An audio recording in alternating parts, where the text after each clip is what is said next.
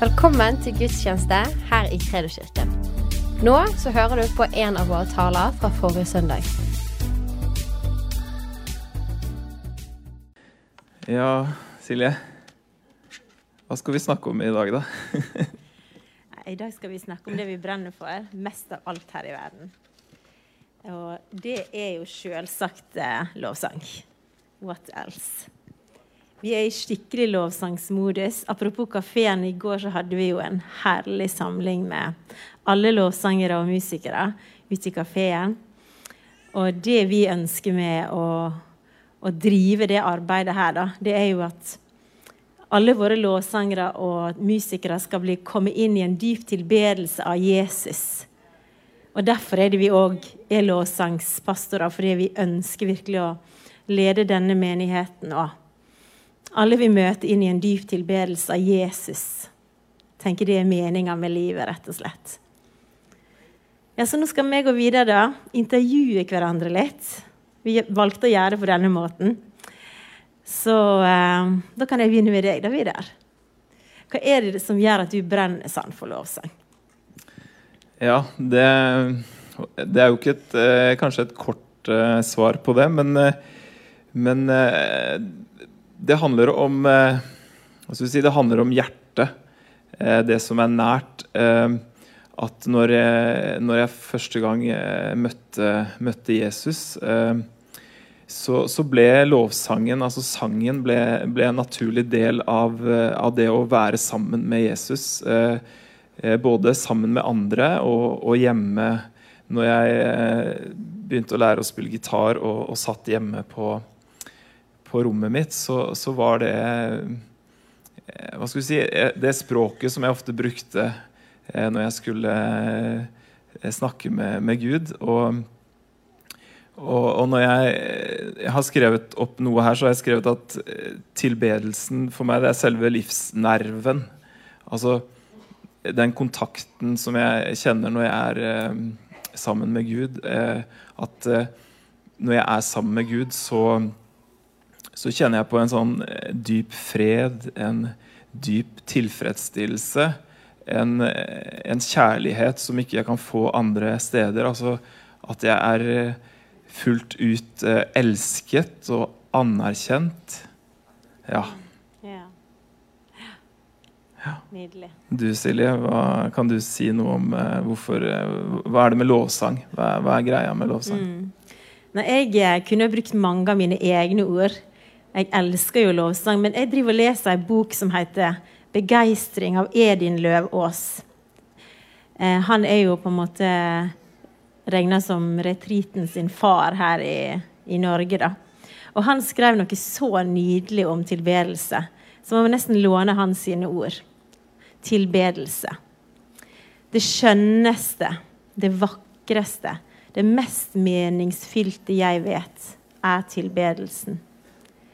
I tilbedelsen blir mennesket skjøvet i bakgrunnen, og det blir stående i ytterkanten og skue mot sentrum. Og der i sentrum er Gud. Kristus er der. Alles øyne leter etter ord, og når vi finner dem, rekker vi dem til ham som modne frukter. Det er dette som kalles frukt av lepper som priser hans navn. Den hellige ånd er vår hjelper Uopphørlig beveger han oss til tilbedelse. Uopphørlig drar Ånden mennesker under alle himmelstrøk av alle nasjoner og raser hen mot sentrum, mot Kristus, og lærer dem tilbedelsens hellige øvelse. I himmelen er alle salige fordi de har mistet seg selv og er blitt ett med Kristus under tilbedelsen. De har funnet inn i det evige og guddommelige element som de sprang ut av. Jeg syns det her er helt fantastisk beskrevet. For det sier noe om at vi er født ut av en tilbedelse, og vi er født til å tilbe. Og når vi da kommer til himmelen, så er det tilbedelse der òg. Så jeg, ehm, ja, jeg vil si at tilbedelse er egentlig hele livet. Og det er ikke bare sang, det er jo måten vi lever på. Men for oss betyr jo sang mye, da. Ja. Mm. Ja. Neste spørsmål til deg, Vidar. Er det noen konkrete episoder der du har kjent at uh, tilbedelsen var veldig viktig? Eller betydde veldig mye? Ja, jeg kan gå videre på det at det har vært det som har vært brukt i den personlige tiden med Gud, at en bruker sangen. Og det har vært en naturlig del hele veien at når, når kriser har kommet, når det har vært eh, tøffe ting som, som har skjedd i livet, f.eks. at det kunne være økonomiske utfordringer, man ikke visste hvordan man skulle eh, betale regninger, man visste ikke hvordan man skulle forsørge eh, familien, så, så, var det helt naturlig å gå ned på rommet eh, og, og, søke Gud. Og, og, da veldig tydelig bruke, bruke lovsangen. Gjerne sette på eh, lovsang på, eh, på Spotify. Eh, også bare synge med.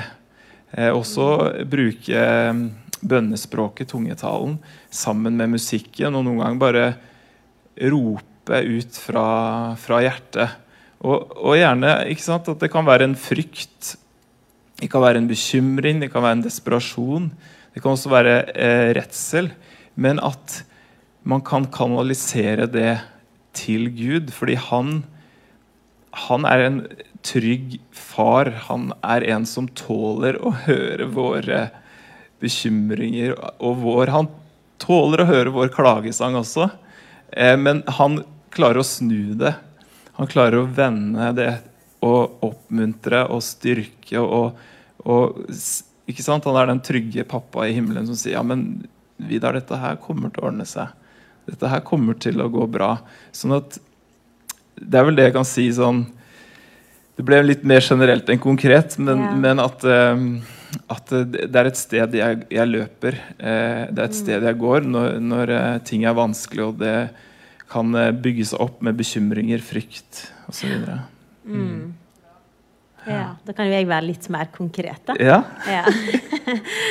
Nei, jeg kan være veldig konkret, for jeg husker veldig godt episoder der f.eks.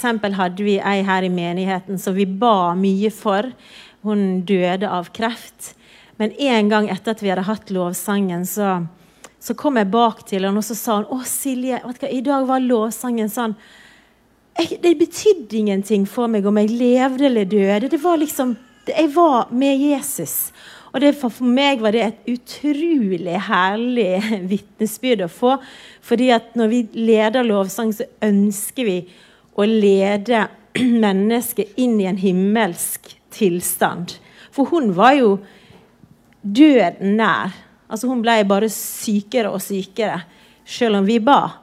Men hun, for til slutt så bare det betydde ingenting for henne om hun levde eller døde. Og det er sånn jeg tenker at Der òg vil jeg komme. Jeg vil leve, men jeg òg vil komme dit at Wow, Jesus, du blir størst. Og så har jeg noen andre erfaringer, hvis vi har tid.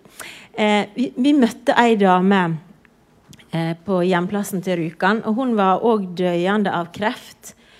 Og på et guddommelig vis så fikk vi besøke henne på, på sykehuset. Og når den dama kom imot oss, så tenkte jeg oi, gud, jeg hadde forestilt meg en skikkelig bad looking dame. Men hun var krøllete hår og så åndsfrisk ut og levende. Så kom hun. Og der er du, Silje! Deg har jeg bedt for. Jeg bare, ja, men Det er jo vi som skal be for deg. Men hun tok oss med inn på soverommet, nei, inn på rommet sitt. Og så fikk vi lovprise Jesus i lag med henne og dra ned Guds nærvær. Og det var helt fantastisk for oss og for henne. Og en annen gang så fikk vi møte henne i hjemmet hennes. Og da òg hadde vi en fantastisk lovsangstund med henne. Eh, der hun hadde med seg ei venninne, og så fikk jeg en tanke. Vi skulle ikke ha vaska føttene deres. Men jeg sa det ikke. Og så fortsatte vi å, å lovprise Jesus. Og så sier vi der fem minutter etter vi skulle ikke ha vaska føttene deres. Og jeg bare Ja, det tenkte jeg òg. Så da gjorde vi det. Det er noe vi pleier å gjøre hver dag, er det ikke det? Nei. det gjør vi aldri. Verken før eller etter. Aldri før eller siden har vi hatt den tanken. Eller, eller gjort det når vi har vært på besøk hos folk. Det, altså Den episoden det var den merka meg for alltid. For jeg tenkte vi Og hun òg døde, da. Men midt i den lidelsen og i den tragedien av ei ung dame på rundt 40 som dør av kreft, så kunne vi få være med og vaske føttene hennes og forberede på en måte hun, hun til hun skulle reise hjem igjen til Jesus. Så det er mange sånne øyeblikk som, som jeg kjenner har merka meg veldig, der lovsangen har vært med å bære det fram. Jeg har lyst til å ta én til. Jeg? Ja. jeg? tar én konkret episode til, for det, det, det, er jo den sterkeste jeg noen gang kom til å oppleve. Og jeg bare sier at jeg har fått lov av denne personen, denne mora, til å, å fortelle akkurat denne hendelsen. Um, ja, det er veldig sterkt for meg. Jeg hadde ei veldig god venninne um, som jeg møtte her på bibelskolen. Uh, hun fikk uh, fire nydelige døtre, og den ene dattera het Josefine. Uh, hun ba vi òg veldig masse for her i menigheten. og Vi var inn og ut av det hjemmet og ba og hadde lovsang. og løfta hun fram for Jesus gang på gang på gang.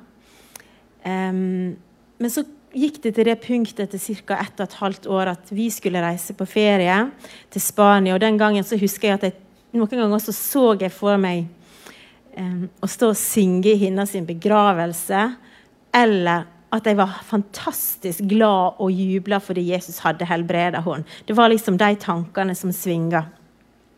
Og så når vi da skulle reise til Spania, så tenkte jeg det kan være at vi ikke klarer å komme hjem igjen til den begravelsen. Det var veldig vondt for meg, for hun var min nærmeste venninne da.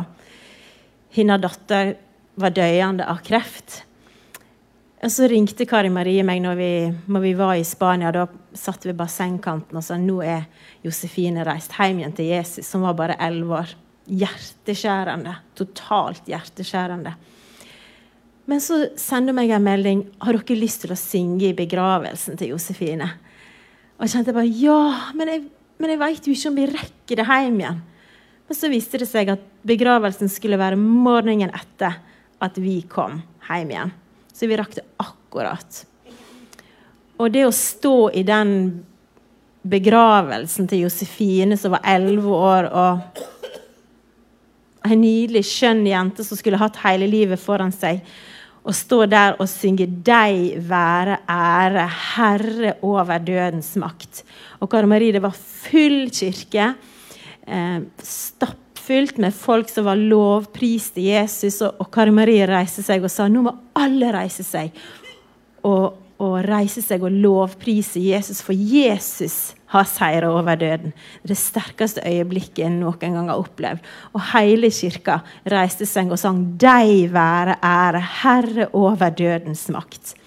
Det var så sterkt øyeblikk. Jeg kommer aldri til å glemme det. Mm. Ja. Ja, tusen takk for at du delte den historien. Eh, det, som en kan høre her, er at Gud han er med. Eh, vi i våre menigheter kan jo ha få eh, høre at vi, er, vi, vi, forkynner en sånn herlighetsteologi, og det er fremgang og det er suksess. Eh, og vi tror på fremgang, vi tror på vekst, vi tror på suksess. Men som du hører, at Gud han er med i lidelsen også. Han er med hele veien, og han er sterkere enn døden. Og selv om ikke det i konkrete tilfeller noen ganger går sånn som vi håpte eller trodde, så er Gud likevel med. Og endemålet vårt er å være ett med Jesus.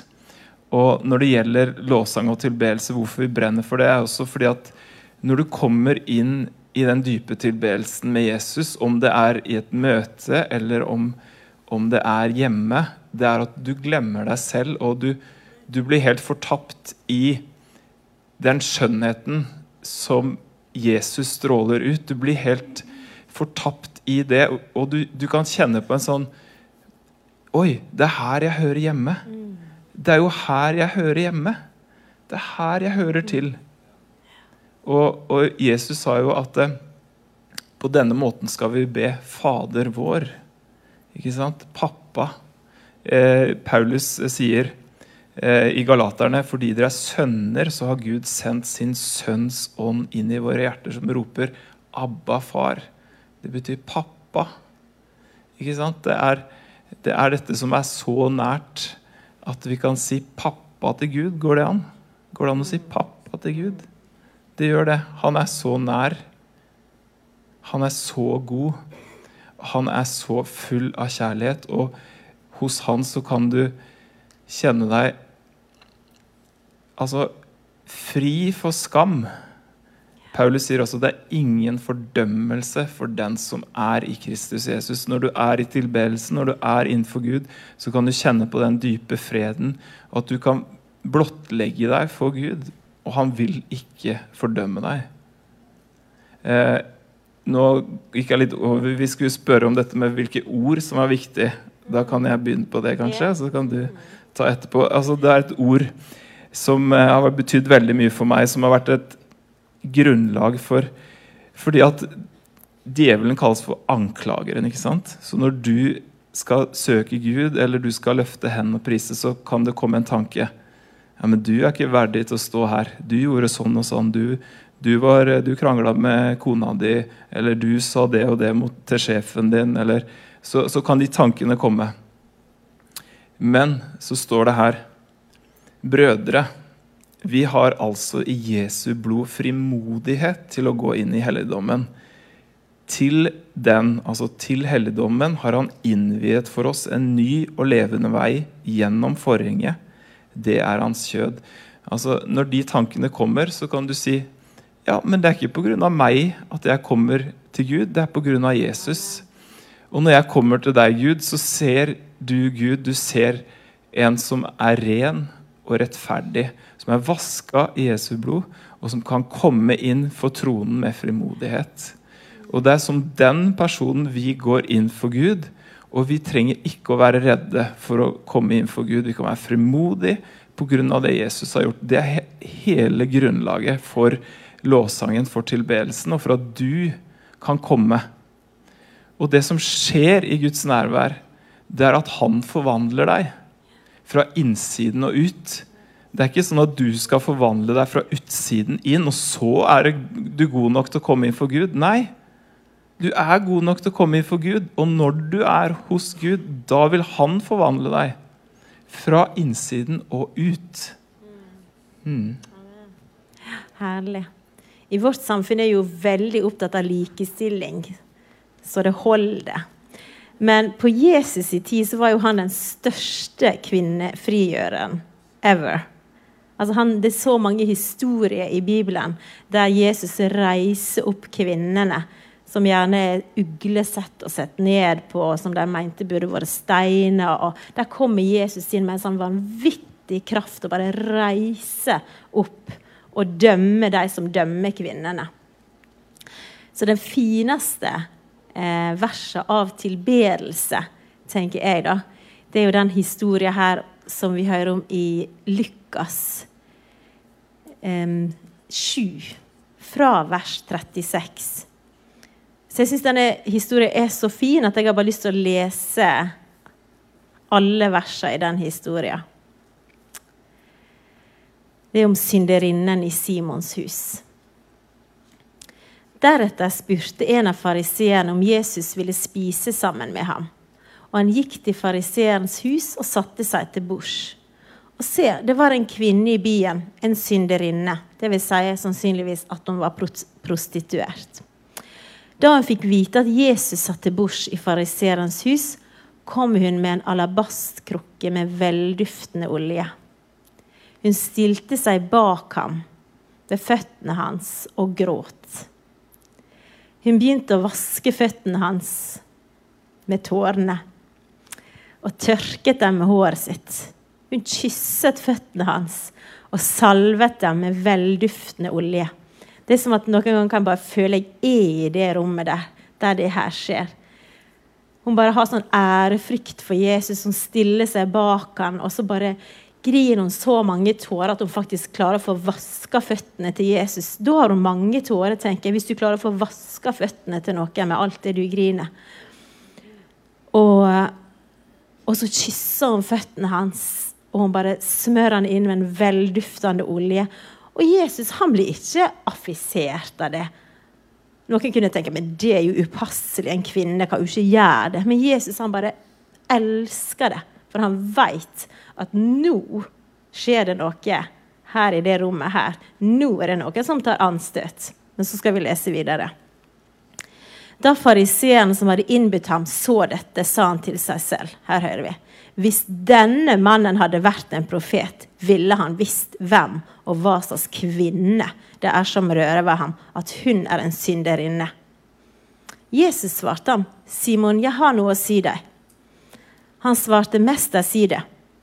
Det var en pengeutlåner som hadde to skyldnere. Den ene skyldte 500 denarer, og den andre 50. Og da de ikke hadde noe å betale tilbake, etterga han dem begge to gjelden. Si meg, hvem av dem vil elske ham mest? Simon svarte, jeg vil tro det må være den som han etterga mest. Jesus sa til ham, nå kommer jeg i rettesettelsen, Du har dømt rett. Så snudde han seg til kvinnen og sa til Simon, ser du denne kvinnen? Nå ville han at han skulle se på kvinnen. For på den tida så skulle, En mann skulle ikke engang se på kvinner. Sant? Men nå får han mannen til å se, fariseeren til å se på kvinner. Ser du denne kvinnen? Jeg kom inn i huset ditt. Du ga meg ikke vann til føttene, men hun har vasket føttene mine med tårer og tørket dem med håret sitt. Du ga meg ikke noe kyss, men denne kvinnen har ikke holdt opp med å kysse føttene mine siden jeg kom inn. Du salvet ikke hodet mitt med olje, men denne kvinnen har salvet mine føtter med velduftende olje. Jeg sier deg, hennes synder, de som er så mange, er henne tilgitt. Derfor elsker hun så mye. Men den som har fått lite tilgitt, elsker lite. Hint, hint. Så sa han til henne, 'Dine synder er deg tilgitt.' Og de, de som til bords med ham, begynte å si med seg selv, 'Hvem er denne som kom til å til og med tilgi synder?' Så sa han til kvinnen, 'Din tro har frelst deg. Gå bort i fred.'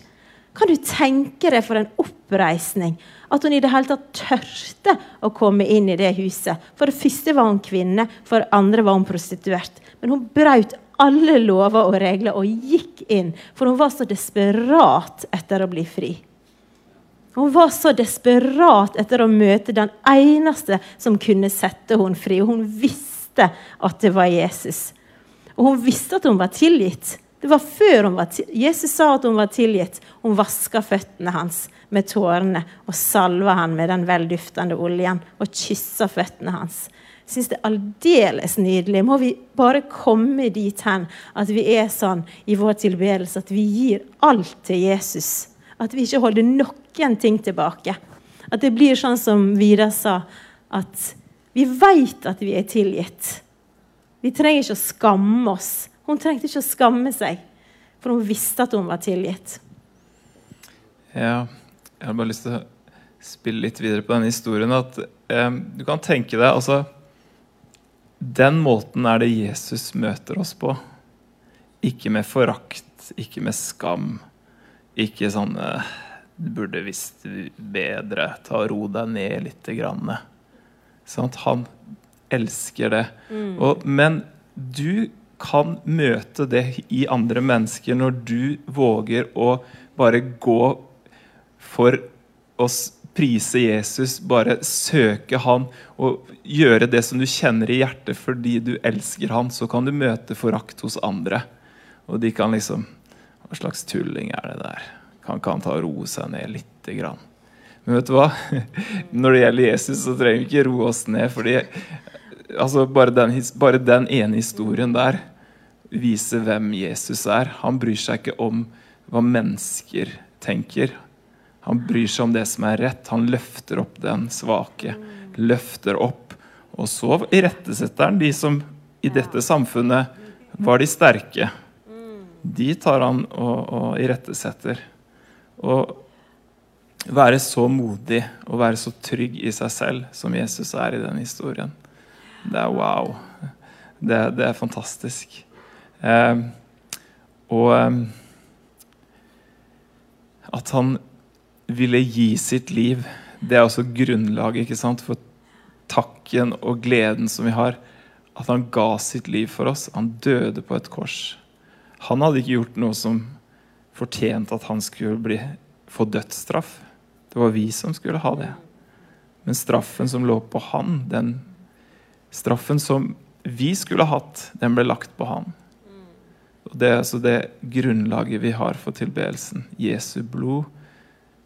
At hans kropp, den ble utøst, den ble gitt for at vi skulle få komme og oppleve Gud som vår far. Um,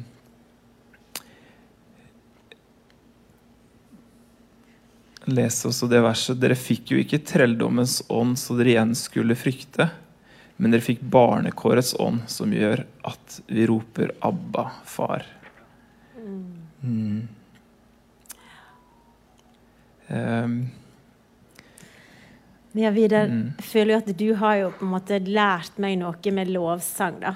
Det som du allerede har nevnt om det med å på en måte frimodig komme inn for Guds trone uten å kjenne jeg verdig nok. Kanskje jeg har vært litt mer sånn jeg verdig nok å kunne kjenne på litt sånn feil ting da, i forhold til det? Og det handler jo mye om det med å vite at man er tilgitt. Sant? Jeg er tilgitt. Jeg er rensa i Jesu blod. Og det føler jeg at du, du Vidar, har lært meg helt fra vi var nygift det med tilgivelse. At du kunne komme og bøye deg og be om tilgivelse. Og da kjenner jeg wow, det, vi kan faktisk begynne på nytt igjen. Det går an å begynne på nytt igjen.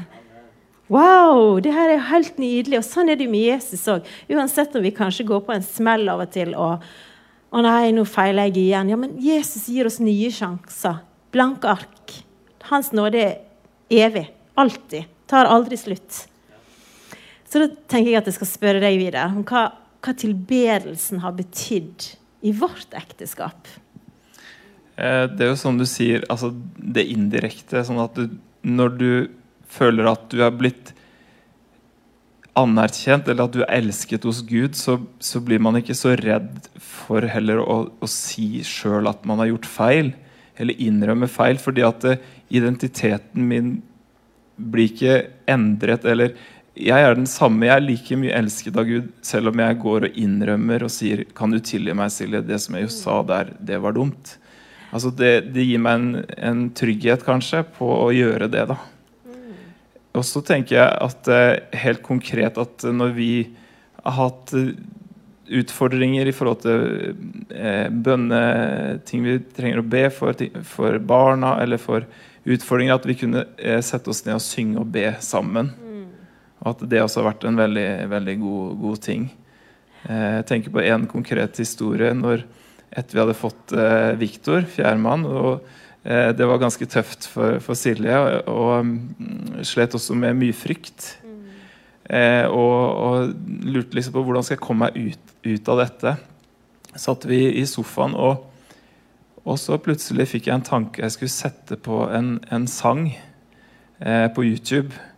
Eh, og det er ikke en eh, sang som vi synger eh, her. Eh, det er 'Lær meg å kjenne dine veier og gå dem trøstig skritt for skritt'. Eh, og du kan jo fortsette den akkurat den konkrete ja, sånn, historien. Sånn som med det der vaskeføttene til den dama, så hadde jeg tenkt på den sangen sånn ett minutt før Vidar gikk og satte den på. Og når han satte den på, så bare kjente jeg wow! det her er jo helt fantastisk. Det er jo en sang som på en måte lærer oss det at det, om du ikke klarer å se helt at dette her kom til å gå bra, selv om du vet det med hodet ditt, så klarer ikke du helt å kjenne det. Så eh, kjente jeg at Gud ville lære meg og oss at han vil hjelpe oss skritt for skritt. Og den, Det er jo på en måte en gammel sang, men den er utrolig sterk. da. Den... Eh, ja, lær meg å kjenne dine veier og gå dem trøstig skritt for skritt. Og så er det et eller annet som sier jeg vet at hva jeg fikk i eie, er arvet gods, og alt er ditt. Så vi vet at hvis vi bare gir alt til Jesus, så kommer det til å gå bra. Og det gikk jo bra. Vi fikk jo navnet til Viktor. Altså, det var jo et navn som ingen i vår familie har noe lignende navn, og det fikk vi mens vi satt og, og ba. da. Um, så da datt bare Viktor ned i hodet mitt eller hjertet mitt. Da.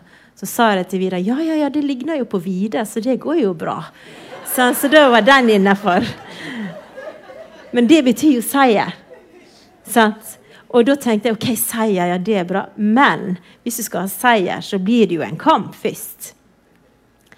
Altså det, og det ble det, da. Viktor er jo en fantastisk eh, bauta. Han bare Han er så ja, En sånn velsignelse for oss, da. Eh, men det ble tøft. Eh, når Vidar ble født, så Nei, Viktor. Blanda litt. så, så kjente jeg Gud, hvordan skal det her gå? Vidar skal jobbe 120 og jeg skal ha ansvar for en baby dag og natt og tre andre. Det var sånn Nei, det her går ikke. Men da møtte vi rett person til rett tid, og så ordna alt seg. Så det gikk veldig bra. Men det å kunne på en måte kjenne det at Gud har omsorg Gud har omsorg når vi er fortvila og ikke veit våre armeråd. Ja. Så, ja, så det som var Hvis vi skal summere opp hva har det betydd for oss som par, så er det jo at det er den røde tråden ikke sant? gjennom at vi, vi, vi søker inn til Gud eh, når vi trenger hjelp. Og, og, og, selvfølgelig skal vi gjøre det når vi ikke tror kanskje at vi trenger hjelp også, men, men, men, det er noe med det at noen ganger så er det disse krisene som fører oss enda tettere til. Og, og jeg bare oppmuntrer deg til har du en krise i livet, eller har du noe som er tøft, ikke, ikke, løp vekk fra Gud, løp heller til Gud. Mm. Fordi at han er en god far. Han er god. Djevelen vil lure deg og si at han ikke er god, men eh, han er en løgner. Jesus sier han er løgnens far. Han, var, han er en løgner, og det har han vært hele tiden. Mm -hmm. Så ikke hør på, hør på han. Kom til Gud. Han er god. Selv om omstendighetene kan være skiftende, og det kan være tøffe ting som møter deg, og vi ser i verden også at det er tøffe ting som kommer. Men, men Gud er god. Han er en god far. Og det er han for alle barn. Alt mm. som kalles barn i himmel og på jord. Så jeg vet ikke om vi skal avslutte der med å vi, vi, har lyst til å bruke litt tid på synge. Vi har hatt en sånn lovsangsdag i går. Eh, og da og vi hadde også en øvelse på onsdag.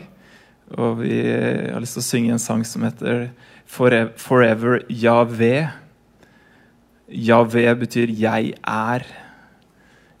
Når Moses eh, møtte Gud i den brennende tornebusken, så, så, spurte Moses 'Hvem er du?' 'Jeg er den jeg er'. Ikke sant? Der hører du tryggheten til Gud. Han, er, han trenger ikke presentere seg som noe annet enn 'jeg er'. Ikke sant? Og, og, du også kan få vite det at du er. Du er. Og det er godt nok. Ikke hva du nødvendigvis gjør, eller hvem, hva slags utdannelse du har, eller hvor du bor. Men du er.